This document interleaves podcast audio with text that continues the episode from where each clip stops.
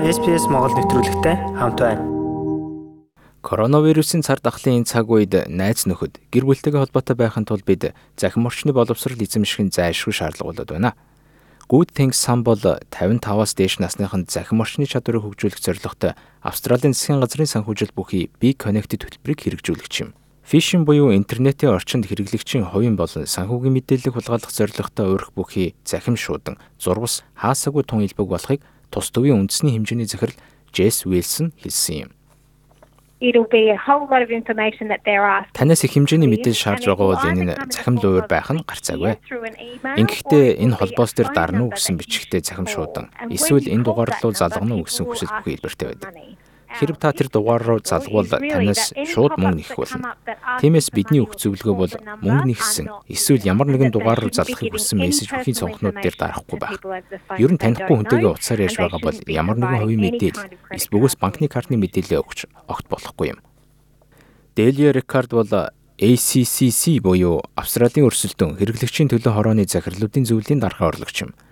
Тэрээр захим лувраар хэрэглэгчдийн алдсан мөнгөнд өнгөрсөн жилээс 40 хувиар огцом нэмэгдэж 66 сая австрал доллар төрсөн болохыг хэлж байлаа. Хүмүүс гэртээ байгаа учраас маш олон тооны захим лувр гарахд үрч байна. Эргээд дарамтд орсон байгаа. Мөн энэ бол COVID-19-ийн бий болгож орчин. Бид бүхэл цаг мөчид захим орчинд идэвхтэй байна. Үндэстэн угсаа хилний язгуурыг үл харгалзсан тохиолдож буй хамгийн түгээмэл лувр бол Вангири буюу Японоор нэг дуулуулаа даслаг гэсэн нэртэй лувр гин гадаадаас хуурамч дуудлага хийдэг энэ ловрын талаар Рикард инхүү тайлбарлсан юм. Хэрв та эргүүлээ залгуул нөгөө тал чинь таныг аль болох удаан хугацаанд уцаар яриулахыг хичээх болно. Учир нь энэ төрлийн дуудлага нь энгийн дуудлагаас хамаагүй өндөр үнэтэй байдаг ба илүү гарсан төлбөрийг нь ловрчд авдаг. One gig гэх мессежний ловрч үнэтэй адил. Хэрв та тухайн дугаарыг мэдэхгүй мөн дуудлага ирсэн улсад таньдаг хүнгүй бол буцаад залахгүй байгаад л болно. Зарим тохиолдолд луурчид засгийн газрын агентлагийн ажилтны дүр эсгэх бөгөөд нөхөн төлбөр олгохоор болсон эсвэл хугацаа хэтэрсэн төлбөр дунсан гэсэн үндслээр ярьдаг болохыг Уэлсэн хэлсэн юм. Үүнийг фишинг лувер гэх ба тухайн хүнийг өргөтөн хувийн эмзэг мэдээллүүдийг нь олж авдаг гэмтэрэг юм. Татварын газарт их хэмжээний өр хоригдлогдсон байна гэх утга бүхэлээ өрөөд нийлээдгүй гарах болсон. Ингэхдээ та өрөөд барагдуулахын тулд энэ дугаар руу залгана уу гэсэн захим шуудан гэлээдэг. Танил гэж хэлэхэд засгийн газрын аливаа мэдээллийн холбоос нь заавал .gov.au гэсэн төгсгөлтэй байх нь зэрэгцээ. Дамжин орох холбоос бүхэн имэйл илгээхгүй гэдгийг мэдэж авах хэрэгтэй.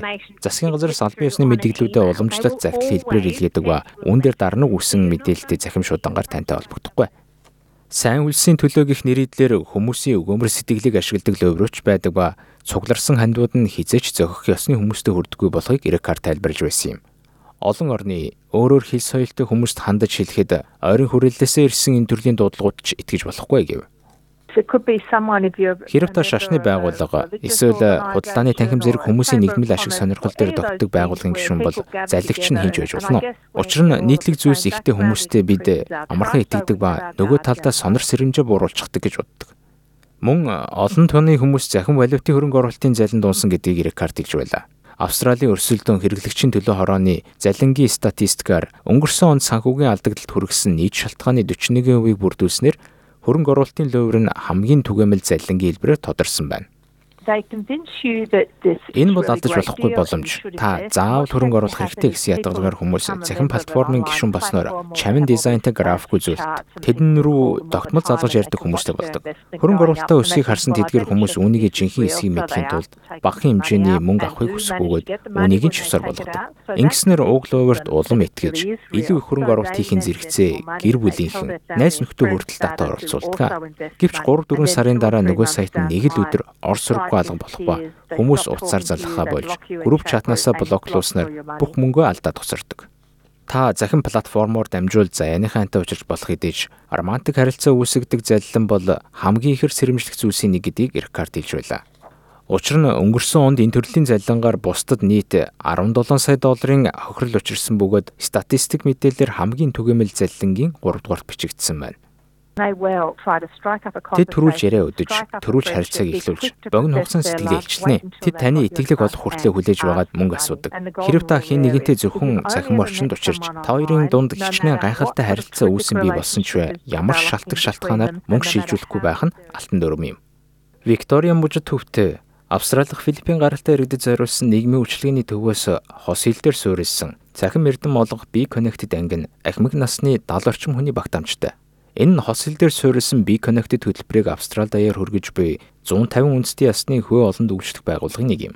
Технологийн мэдлэг сайтай ахмад насныхан ч гэсэн нийгмийн сүлжээнд заллингийн хохирогч болдог талаар тус төвийн гүйцэтгэх захирлын үүрэг гүйцэтгэгч Корина Датлов хэлж байлаа. In this climate of COVID-19 COVID-19-ийн цаг үеийн байдалтай зэрэгцсэн Facebook болон Facebook Messenger хаагдах явдал гарсаар байна. Зарим ахмад насны үйлчлүүлэгчид маань ойр дотны хэн нэгнээсээ би гацаанд орчихлоо. Бид нар хүнд байдалд байна. Биднэрт мөнгө хэрэгтэй болоод байна гэсэн мэдээллийг хүлээж авдаг байна. Энэ мэдээлэл нь ойрын хүмүүсийн нэр устай Facebook Messenger хаягаас ирдэг учраас маш бодит, уялдаа холбоотой санагдах нь илүүтэй ихтгэл төрүүлдэг.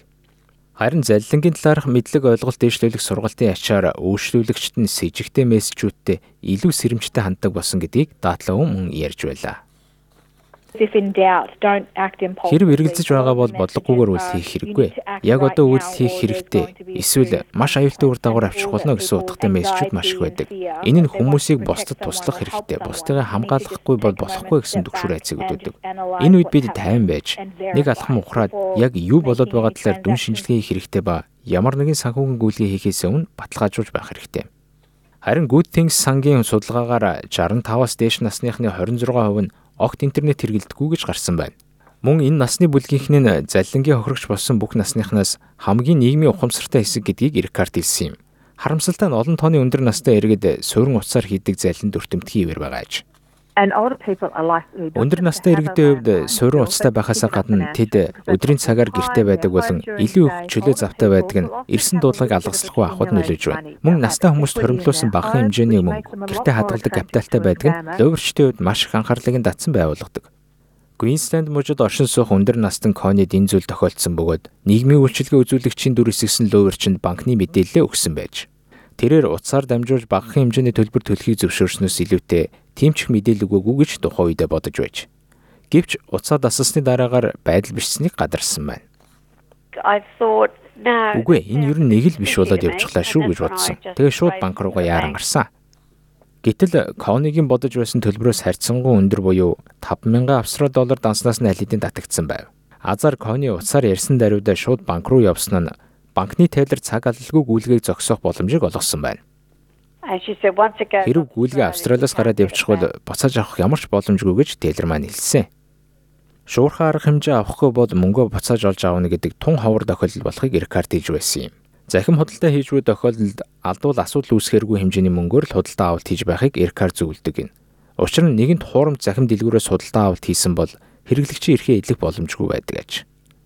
However, if you paid with a credit card or Хэрэг та кредит карт эсвэл PayPal зэрэг төлбөрийн аюулгүй механизм ашигласан тохиолдолд ямар нэгэн асуудал гарвал нэн дайруу банк эсвэл PayPal мэдэгдэх хэрэгтэй. Ингэснээр мөнгөө буцааж авах магадaltaй ч энэ нь тухайн захим дэлгүүр эсвэл аккаунт хамаг мэдээлэлээ устгаад алга болчихоогүй байгаа эсгээс бас хамаардаг. Тиймээс худалдаа авалт хийхээсээ урьдчилан сануулгах мэдээллүүдэд танилцах зэрэг өөрийн зүгээс зохих хяналт хийхийг Рикард зөвлөж байна.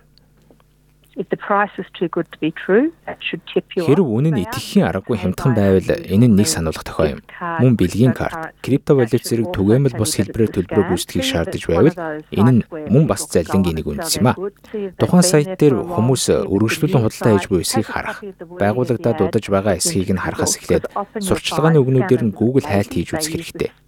Залин хийж буй хүмүүс залхуурахтаа нэг л үгнүүдээ олон дахин ашиглах бөгөөд хайлт хийж үзснээр энэ төрлийн залин дунс хүмүүс байгаа эсхийг мэдэх боломжтой. Австрали улсад амьдарч эхлэх гэж байна уу? Хэрэгтэй мэдээллийг SBS.com.cg юу урагшаа зураас Mongolian хуудасаас хүлээн авах нь